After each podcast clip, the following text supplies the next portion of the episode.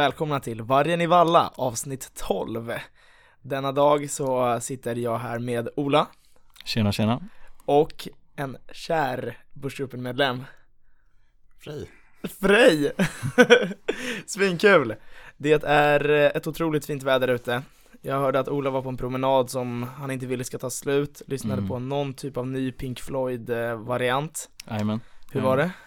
Det var ju vackert alltså Du sa ett ord till mig innan, vill du säga det igen? Eller en mening? Balsam på själen Balsam för själen. Ja men det är ju bästa sättet att förklara det på Ja. Alltså Lite plusgrader, lite sol Musik i öronen och bara knalla på Ja, det låter ganska bra. Jag satt själv ute och käkade lunch i solen. Det var ganska, det var ganska trevligt. Hittade du någon ny Pink Floyd-kopia? Nej, nej tyvärr inte. Tyvärr var, inte. var det någon, var det någon sån här remix eller vad? Nej det är en artist som heter Israel Nash som Som jag blev tipsad om för typ tre dagar sedan Och så Ja. snackade jag Erik lite om det Alright. Asbra Ja, du får länka sen. Ja det ska jag göra, det ska jag göra Ja, vädret utomhus kanske inte summerar eller visar vädret i resten av världen. Det är ganska mycket moln. Det är ganska tufft där ute. Kriget är här får man väl ändå säga, mm, Tyvärr tyvärr. Det är väl lite varför du är här också Frej. Är det? Du är en av, du gillar ju nyheter. ja, absolut. Jag, jag sitter och läser nyheter ganska ofta. Ja, men du är, en, du är ändå en påläst kille liksom. Ja, ibland, ibland. Jag, jag kan säga, det kan låta som att jag är påläst men, eh, men man skjuter mycket från höften ibland. Skenet bedrar Ja, precis. Skenet bedrar. Nej men vi tänkte väl i alla fall eh, surra igenom det här lite idag. mm. göra olika typer av kopplingar, eller olika kopplingar, eh, framförallt till ekonomin då, och hur det här kriget, att Ryssland har gått in i Ukraina, hur det påverkar Sverige, vår börs, hur det påverkar ekonomin i sig och liknande. Mm. Ja, det är Det låter ju skitbra ja, komplext ämne. Det känns inte som man kan snacka om det, om Nej. det överhuvudtaget egentligen. det, Man pratar kanske inte med så mycket auktoritet Men vi ska väl eh, ge vår take på det hela i alla fall Ja, Ola du är ju bra på att säga det att vi är inga experter, men eh, vi gillar att eh, resonera. Och det får man Det får man. Mm. Ja. ja, absolut. Det är därför vi sitter här. Disclaimer liksom. Eh, men vi kan väl börja med lite med eh, vad som har hänt. Men ni som lyssnade förra veckan lät jag ju Adriana, eller det var två veckor sedan, gissa lite hur, vad som hade hänt på börsen de senaste veckorna. Eh, nu tänkte vi göra samma med Frej. Ja, vad, vad, vad jag tror har hänt. Eh, men jag, jag kommer ställa frågor då. Okej, ja men kör. Ja. Eh, så du har, du har 20 ett, eh, du har ett eh, Moex Russia Index, eller ja, Rysslandsbörsen. Mhm. Eh, och vi, jag har tagit ett mått här från toppen. Alltså den har ju börjat eh, Alltså, när, när vibrera toppen? lite. Typ eh, november, december eller? Och det var faktiskt eh, till och med i, I början på februari tror jag Ja jävlar. Mm. Den- den- nej att Rysslandstoppen kommer faktiskt tidigare, den kommer Okej. i november. Ja, Ja det var så, låter okej. Ja. ja Då hade jag fel Eh, för där börjar det liksom skaka till lite. Det blir väl lite osäkert och Ja, lite oklara. Stockholmsbörsen handlas väl ner också under, Stopp. under en viss period där. Ja, Stockholmsbörsen pikade väl eh, i december, gjorde den inte riktigt? Ja, mycket, mycket gråt på Twitter har det varit Ja. det, här, det här året. Det har ju varit lite, i Sverige var det mycket inflationssnack och det kanske varit annat typ av snack i Ryssland. Men i alla fall, ja. I november, vill du veta, i slutet på november. Mm.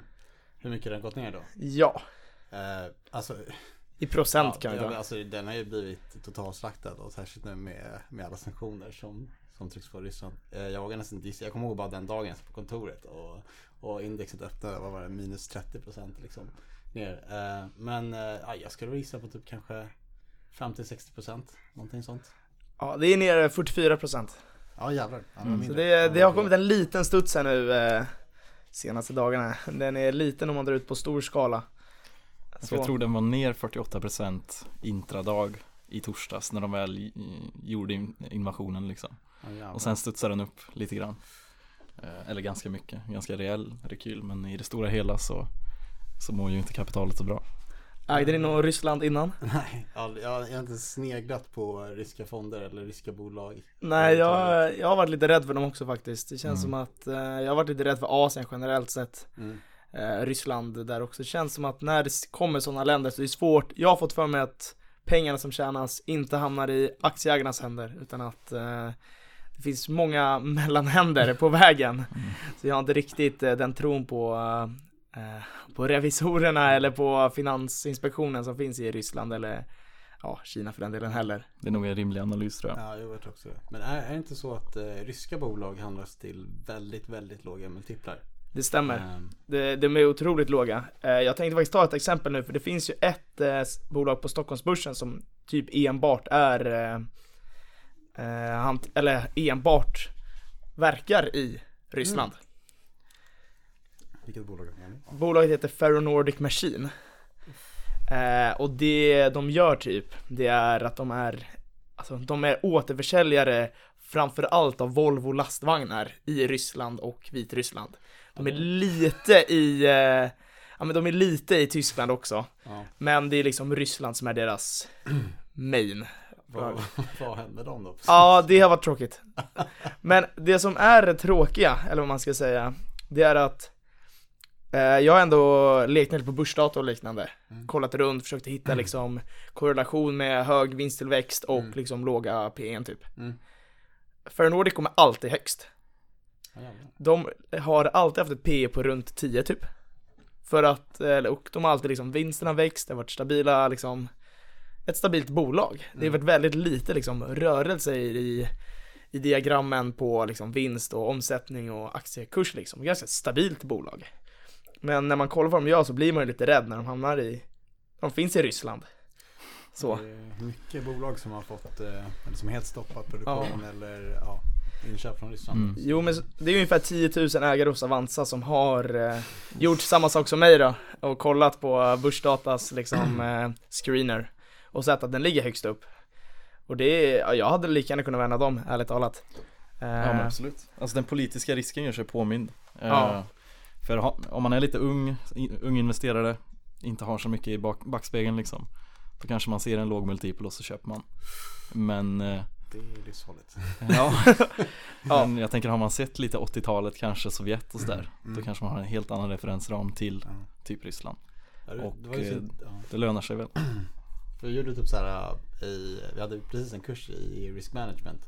Och då skrev vi en rapport som jämförde 1930s eh, börskrasch och eh, 2008s. Eh, de är ganska alltså, annorlunda från varandra. Men eh, just 1930s liksom, börskrasch eh, med hur det liksom hade sett ut i ekonomin just innan.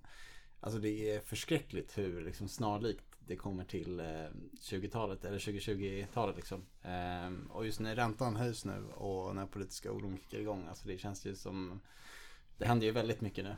Och jag vet inte, det känns också som att eh, privatpersoner börjar få ganska mycket panik. Ehm, och det är ju ändå, alltså, vad ska man säga, det är väl det mesta av kapitalet är ju privatpersoners alltså, tjänstepensionspengar eller liksom fonder och det är, när folk får panik, det blir panik liksom. Det är, Det är svårt. slakt. Ja. Om man hade ägt för Nordic hade man i alla fall förlorat 71% av sitt innehav i år. Eh, det är tråkigt. Hur mycket sa du? 71% Jäklar. Och det är ju bara Christ. februari också. Oh my god. Ja, eh, januari, i år då. Januari, februari. Men det är, nu är de ju ännu billigare. P5 har vi nu. Billigt kan bli billigare. Om de ens får sälja någonting dit. Ja, man försöker så här kolla sentimentet ibland på Twitter. När man Ja. ser bara, ja men det här är dippen, nu köper alla. Liksom. Ja. Då vet man att det, det, kommer- det flyger ner lite mer än så. Dippens dipp. Ja, precis. Ja. Nej men det är, det är tufft i alla fall där ute. Eh, men nu hör ni, ni som lyssnar att ni är inte ensamma. Det är många som det har gått eh, tufft för. Faktiskt. Mm. Och det är väl allting egentligen, både från, vi har haft ganska negativt sentiment ända från eh, januari liksom. Hela vägen, det har varit mycket inflationssnack. Det har varit mycket, eh, alltså kommer från höga värderingar och liksom mycket tillväxtbolag som har tagit otroligt mycket stryk. Och, och så vidare liksom. Nu kom det här kriget på det hela. Eh, men vad gör man härifrån då? Nu är ju ändå, vad ska man säga, kriget är ändå här. Om man kollar svenska börsen så är den ungefär 15-20% Är det läge att eh, panika som alla andra? Jag, jag, vet, jag tror man måste liksom ha, man måste se över sin risk liksom själv. Och Mm. vad, vad är det för typ av person? Och, men, eh, men eh, alltså jag vet inte, man har ju blivit lite rädd nu, nu när UBS liksom gick ut i typ var fredags, typ torsdags eller någonting. Och eh, marka ryska statsobligationer som zero. Eh, och sen har Credit Suisse följt efter dem också. Eh, så det börjar bli lite margin calls och Ja, alltså jag, jag liksom bara på typ eh, Handelsbankens morgonrapport eh, så pratar ju de om att eh, det börjar lita Lehmans 2008 när man inte vet hur stor exponering vissa banker har mot eh, ja, ryska värdepapper. Och det är liksom bara det är läskigt att han ens liksom nämner det. Men det kan Mm. också är så här sentiment på att ah, men det här är botten. Ja, men det där var inte, ganska intressant, det sa du innan du kom in här. Mm. Vill du eh, utveckla det lite? Eller det är många amerikanska banker, är det det du säger, som har stor exponering mot ryska företag? Det, det vet man inte, men det kan vara många olika banker som är exponerade mot ryska banker. Eh, som då blir, deras assets blir frysta nu också. Och det är också många, eh, vad ska man säga, hedgefonder eller fonder. Jag vet inte exakt hur det ser ut, men som använder då eh, ryska statsobligationer som collateral. När de gör trades. Alltså de använder det som liksom, vad ska man säga, Skydd. eller lå- belåning liksom. Ja. Eller så här, ja men vi pantar in det liksom. För att kunna göra de här tradesen. Och då när UBS då, eller Credit Suisse går in och markerar de här som alltså ett värde på noll. Mm. Då måste ju de, de här fonderna eller de som tradar med margin, de måste liksom, ja de måste tillförse likvida medel till de här bankerna liksom. De måste hosta upp helt enkelt. Eh, och sen så nu så, det börjar, jag vet inte, det börjar se ut som att de flesta börjar liksom nedgradera de eh, tyska, ty, eh, ryska statspapperna så det är, jag vet inte, det, det ser lite läskigt ut liksom. Det ser lite läskigt ut, faktiskt. Även fast vi fick en studs på Stockholmsbörsen så kanske Ja. det är inte över. Ja, likviditeten försvinner lite från marknaden också nu med att eh, de låser in dollar. Alltså alla typ ryska, vad är det? Ehm, de, de, ryser, de, de fryser ju alla ryska tillgångar liksom. Så det är. Likviditeten, likviditeten på marknaden börjar försvinna liksom. Ja. Men med, med det här, allt det här sagt också så brukar man ju se eh, statsobligationer som den säkraste typen av investering. Ja. Så för er som lyssnar om ni inte har stenkoll, att se en obligation bli nervärderad till noll är extremt eh, allvarligt. Sen finns det ju politisk risk kopplat till vilken typ av obligation man köper men liksom sett till ett Rysslands perspektiv så bör det ju ses som den säkraste investeringen liksom. Ja, ja, Och den är nu värderad till noll och eh, du kan liksom inte byta händer med, det, för det, den. är inte att eh, den är inte värderad till noll på marknaden utan det var UBS som, UBS, eh, ja. som värderade den till noll för sina kunders collateral. Ja, Men eh, jag tror inte de är, det är inte jätteattraktivt att handla ryska statsobligationer eller statsobligationer. Nej, Jag tror att Ryssland gick väl ut i morse också och stoppa all handel. Alltså, utom, alltså från utlandet. In i ryska, värde, alltså, ryska papper. Även höjt räntan nu från 9,20 tror jag det var till eh, alltså 20%. ja, styrräntan va? Ja, Ja. alltså det är eh, sjuka rörelser liksom. Och vill ni förklara lite mer vad det, vad det innebär nu att de höjer från, från 9,20 till det är alltså en 100% ökning Mm. från en redan hög styrränta. Jämför det med Ja. Sverige då. Vill du Ja, men förklara det Ola? Men styrräntan först och främst är ju den räntan som bankerna får låna pengar av sin centralbank för. Så sen måste ju bankerna låna ut det lite dyrare än så för att göra sin marginal, det är deras verksamhet liksom. Ehm, så de ryska kunderna får ju någonstans norr om 20% med det sagt. Eh, I Så Sverige vill- vet jag inte ja, exakt. alltså om du vill låna av eh, ryska banker så får du en ränta på över 20% helt enkelt. Ja, precis. Eh, per år då. Ja, per år, exakt. Ehm, men i Sverige vet jag inte vad den ligger på, alltså norr om ett kanske, Ja. om ens det. Ja, någonting sånt. Jag är Ja. inte jätteinsatt faktiskt, helt ärligt. Runt 1% kan vi ja, säga. Mm. jag skulle gissa på det också. Så det är ju en, det är en hiskelig skillnad mellan 1 och 20% Ja, det är det. är definitivt. Ehm, Och eh, men man har ju sympati för vanlig, vanliga ryssar helt enkelt Vanliga ryska människor Ja, Vars eh, sparande och kapital och allting bara Bara sänks helt och hållet ja. Nej, det är Det är tufft, det är eh, knas. Ja, Eh, En till sak som kan bli knas, som jag tänkte vi skulle diskutera om också, eh, det är Swift. Swift ser man ju lite höger-vänster nu, framförallt om man läser typ DI. Och jag tror inte, jag visste inte vad Swift var innan i alla fall. Men Swift skulle man kunna säga är en organisation eller förening banker, internationella banker emellan. Så de hjälper, det är ju både då organisationen men framförallt liksom programmet emellan som gör det möjligt att SEB som jag har i Sverige kan skicka pengar till Bank of China i Kina mm. och det går säkert till och rätt till helt enkelt. Utan att liksom, ja, för att det ska ju också ske en växling på de här pengarna och allt däremellan och det är det som Swift gör då helt enkelt. Mm. Så att det sker vitt och korrekt. precis Så att man blir avstängd från Swift, det gör ju då att de ryska bankerna inte kan ta emot eller skicka pengar till andra länder. Via deras, eh, eh, alltså via, ja via Swift helt enkelt. Så de får hitta andra lösningar. mm. Så jag läste också, det var igår då, att de håller på att försöka med sitt egna Swift. Ja. Eh, inte sin egna Swift men sin egna lösning Mm. på det hela. Eh, och det håller faktiskt Kina också på med. Mm. Eh, Okej. Så eh, de vill ju, de vill ju försöka hitta en lösning på det här liksom, för Mm. pengarna måste ju komma in liksom. Mm. Det här har ju bara skett en gång tidigare. Att liksom ett land har blivit utstängt från Swift. Och det var i Iran, var det 2011 eller 2012? Ja, okej. som eh, de stängde av och då gick ju Irans export av, jag tror att det var olja eller gas, något av det, Mm.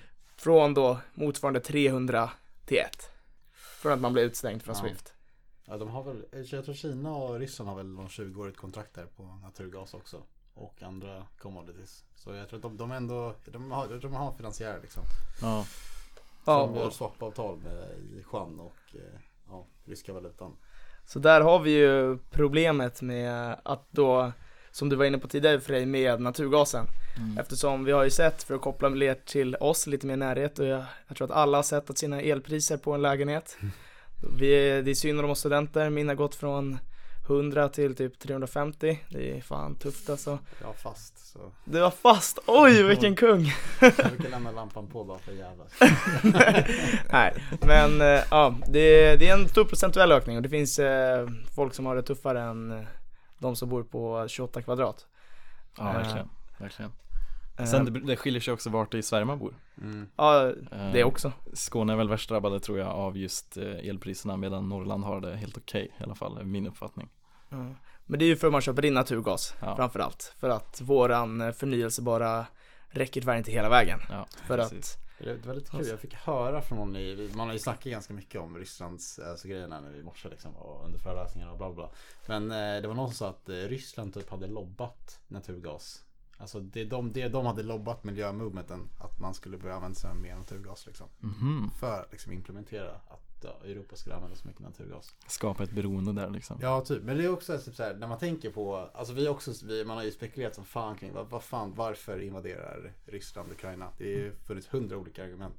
Men så här, man tänker också bara, men det måste ju vara, det är inte som att de planerat det här i bara fem år. Det här måste ju liksom vara 20, 20 år i plan åtminstone känns det som.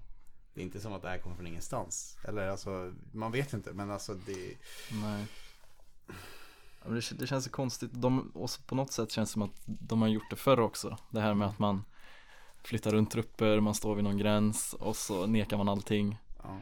Det kändes ju typiskt Ryssland och alla höll sig ganska lugna. Men att de sen bara klev över gränsen Ja, och bara gick in. ja det är helt Det, sant. nej, det, det framstår som väldigt okalkylerat men eh, med största sannolikhet så finns det ju någon jättelångsiktig plan bakom det hela. Ja, eller det, det känns som det. Antingen så är världen dummare än vad man tror, eller Ja. så Det är också en möjlighet. Ja, ja, ja man får se. Vi får Ja. se. Jag, jag, jag hoppas på att världen är dummare än vad man tror. Eller nej, kanske inte. Alltså, det finns lite, lite att ge och ta där liksom. Ja, jo, jo. Men eh, Erik, du nämnde ryska valutan också. Ja, Eh, rubeln heter den va? Ruben, exakt. Det har inte heller varit någon solskenshistoria direkt. Nej, Hur, har- hur har det gått för den i veckan? Eh, det kan jag kolla faktiskt. Det har jag inte uppe Tror på en jag gång. Jag tror det rasar 20% på öppning idag va? Ja, och då hade den rasat under helgen också Ja. tror jag. Så den, eh, Ja. Ja, jag tror den, någon, när jag kollade någon gång igår typ Ja. så var den ner 50% tror Ja, jag. Så det kan ju vara ännu mer idag. Ja, nej. Ja, det, är, det är väl det som händer liksom när man fryser traden. Ja. Sanktioner, utstängda från Swift, Ja. pågående krig, eh, superhög ränta, Ja, eh, ja, ja, flygförbud ja, överallt. ja, det finns väl, ja, jo. Det, det, ser ju, det ser ju mörkt ut. Det ser inte skitkul ut, nej. Ja, jag vet inte. Man, det var nästan man började gråta när man satt i föreläsningssalen och bara läst, läste alla nyheter kring vad som hände och liksom började spekulera kring vad som komma skall liksom. Ja. Man, man, man vet ju inte hur man ska reagera heller. Nej, För att det, man har ju ingen typ av referensram för Okej men nu händer det här, nu ska jag reagera så här Det finns inte nej. Så att eh, Nej, det är, en, det är en nivå av osäkerhet som Som vi aldrig har stött på tidigare Nej alltså, eller, Och då har vi ändå precis gått igenom corona också Ja, precis.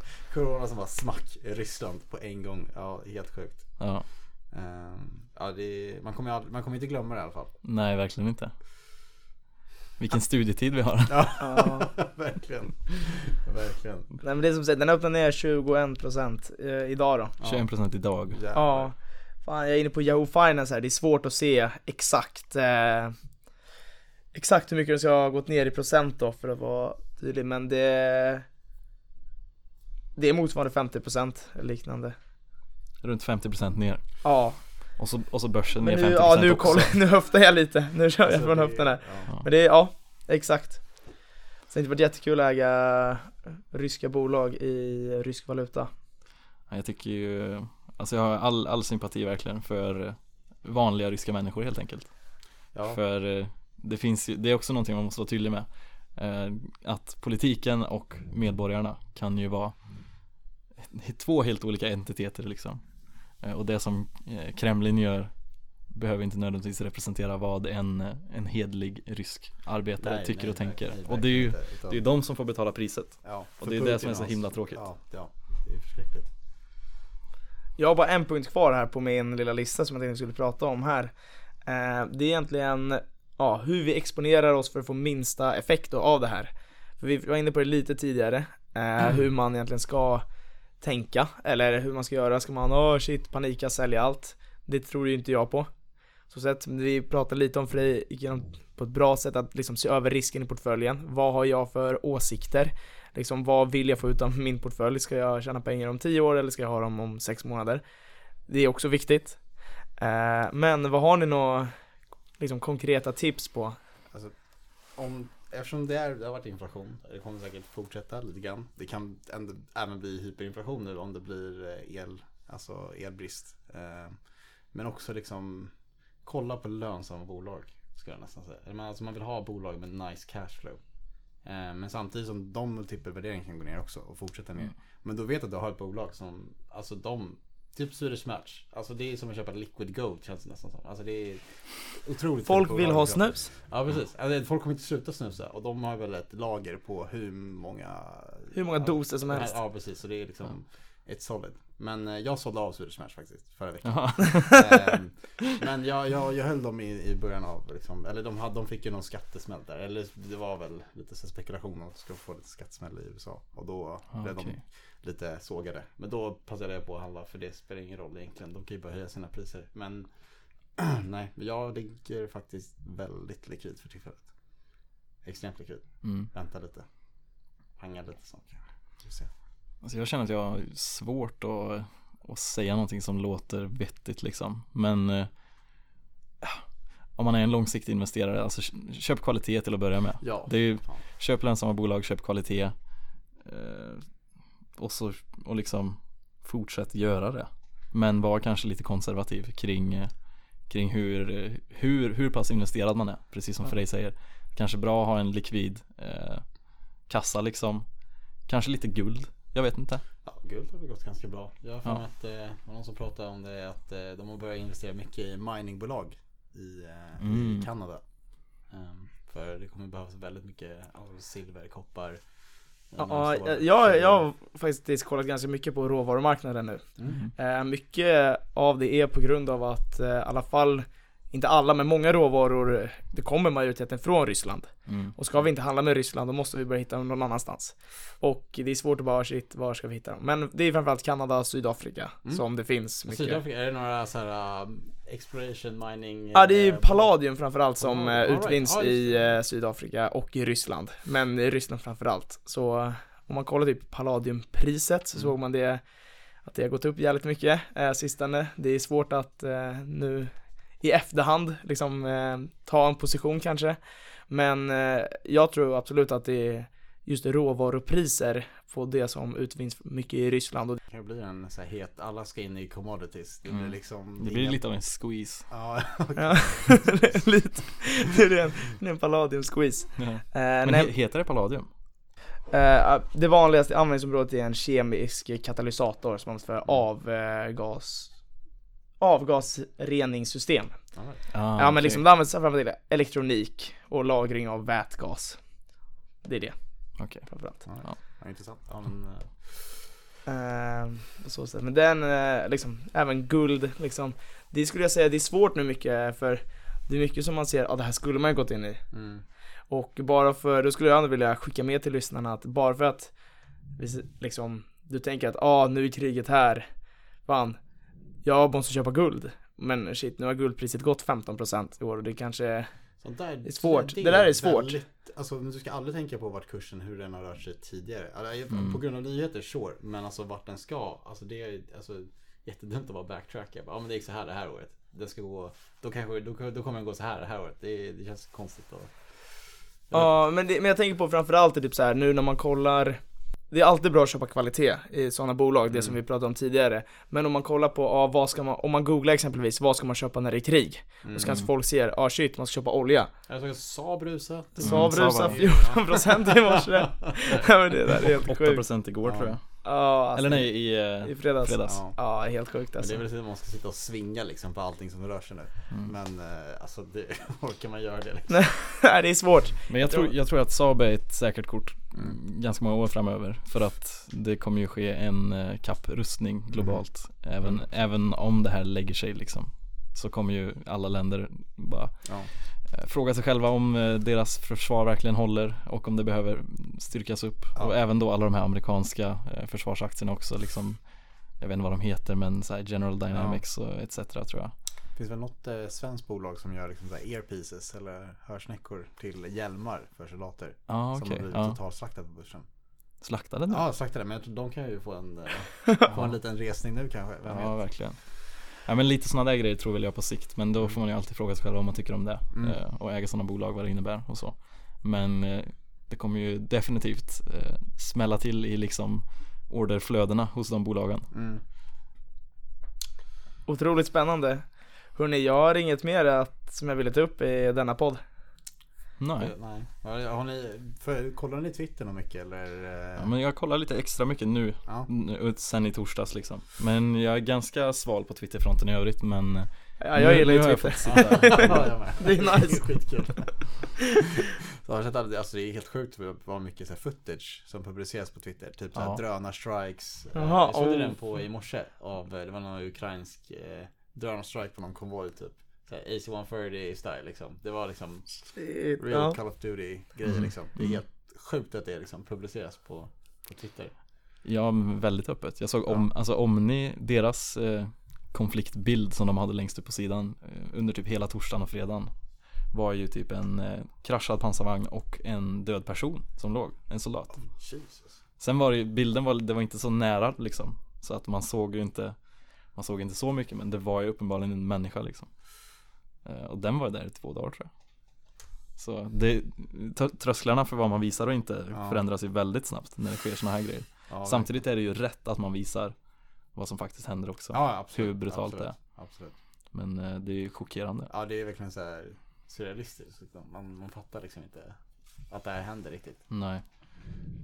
Och nu kan vi väl fortsätta vara så lite grann framöver kanske. Mm. Mycket möjligt Mm. Men hörni, jag vill säga tack till Frej för att du kom hit Ja, tack själv. Det Tack var det. en Intressant ära att podda. Intressant att podda. Nej, men Och tack till Ola också såklart Och tack till dig Erik. Ja. Tack till dig som lyssnar och jag hoppas att det var ett schysst avsnitt. Eh, ja, ha det gött. Ha det gött, Ja, bra. tja!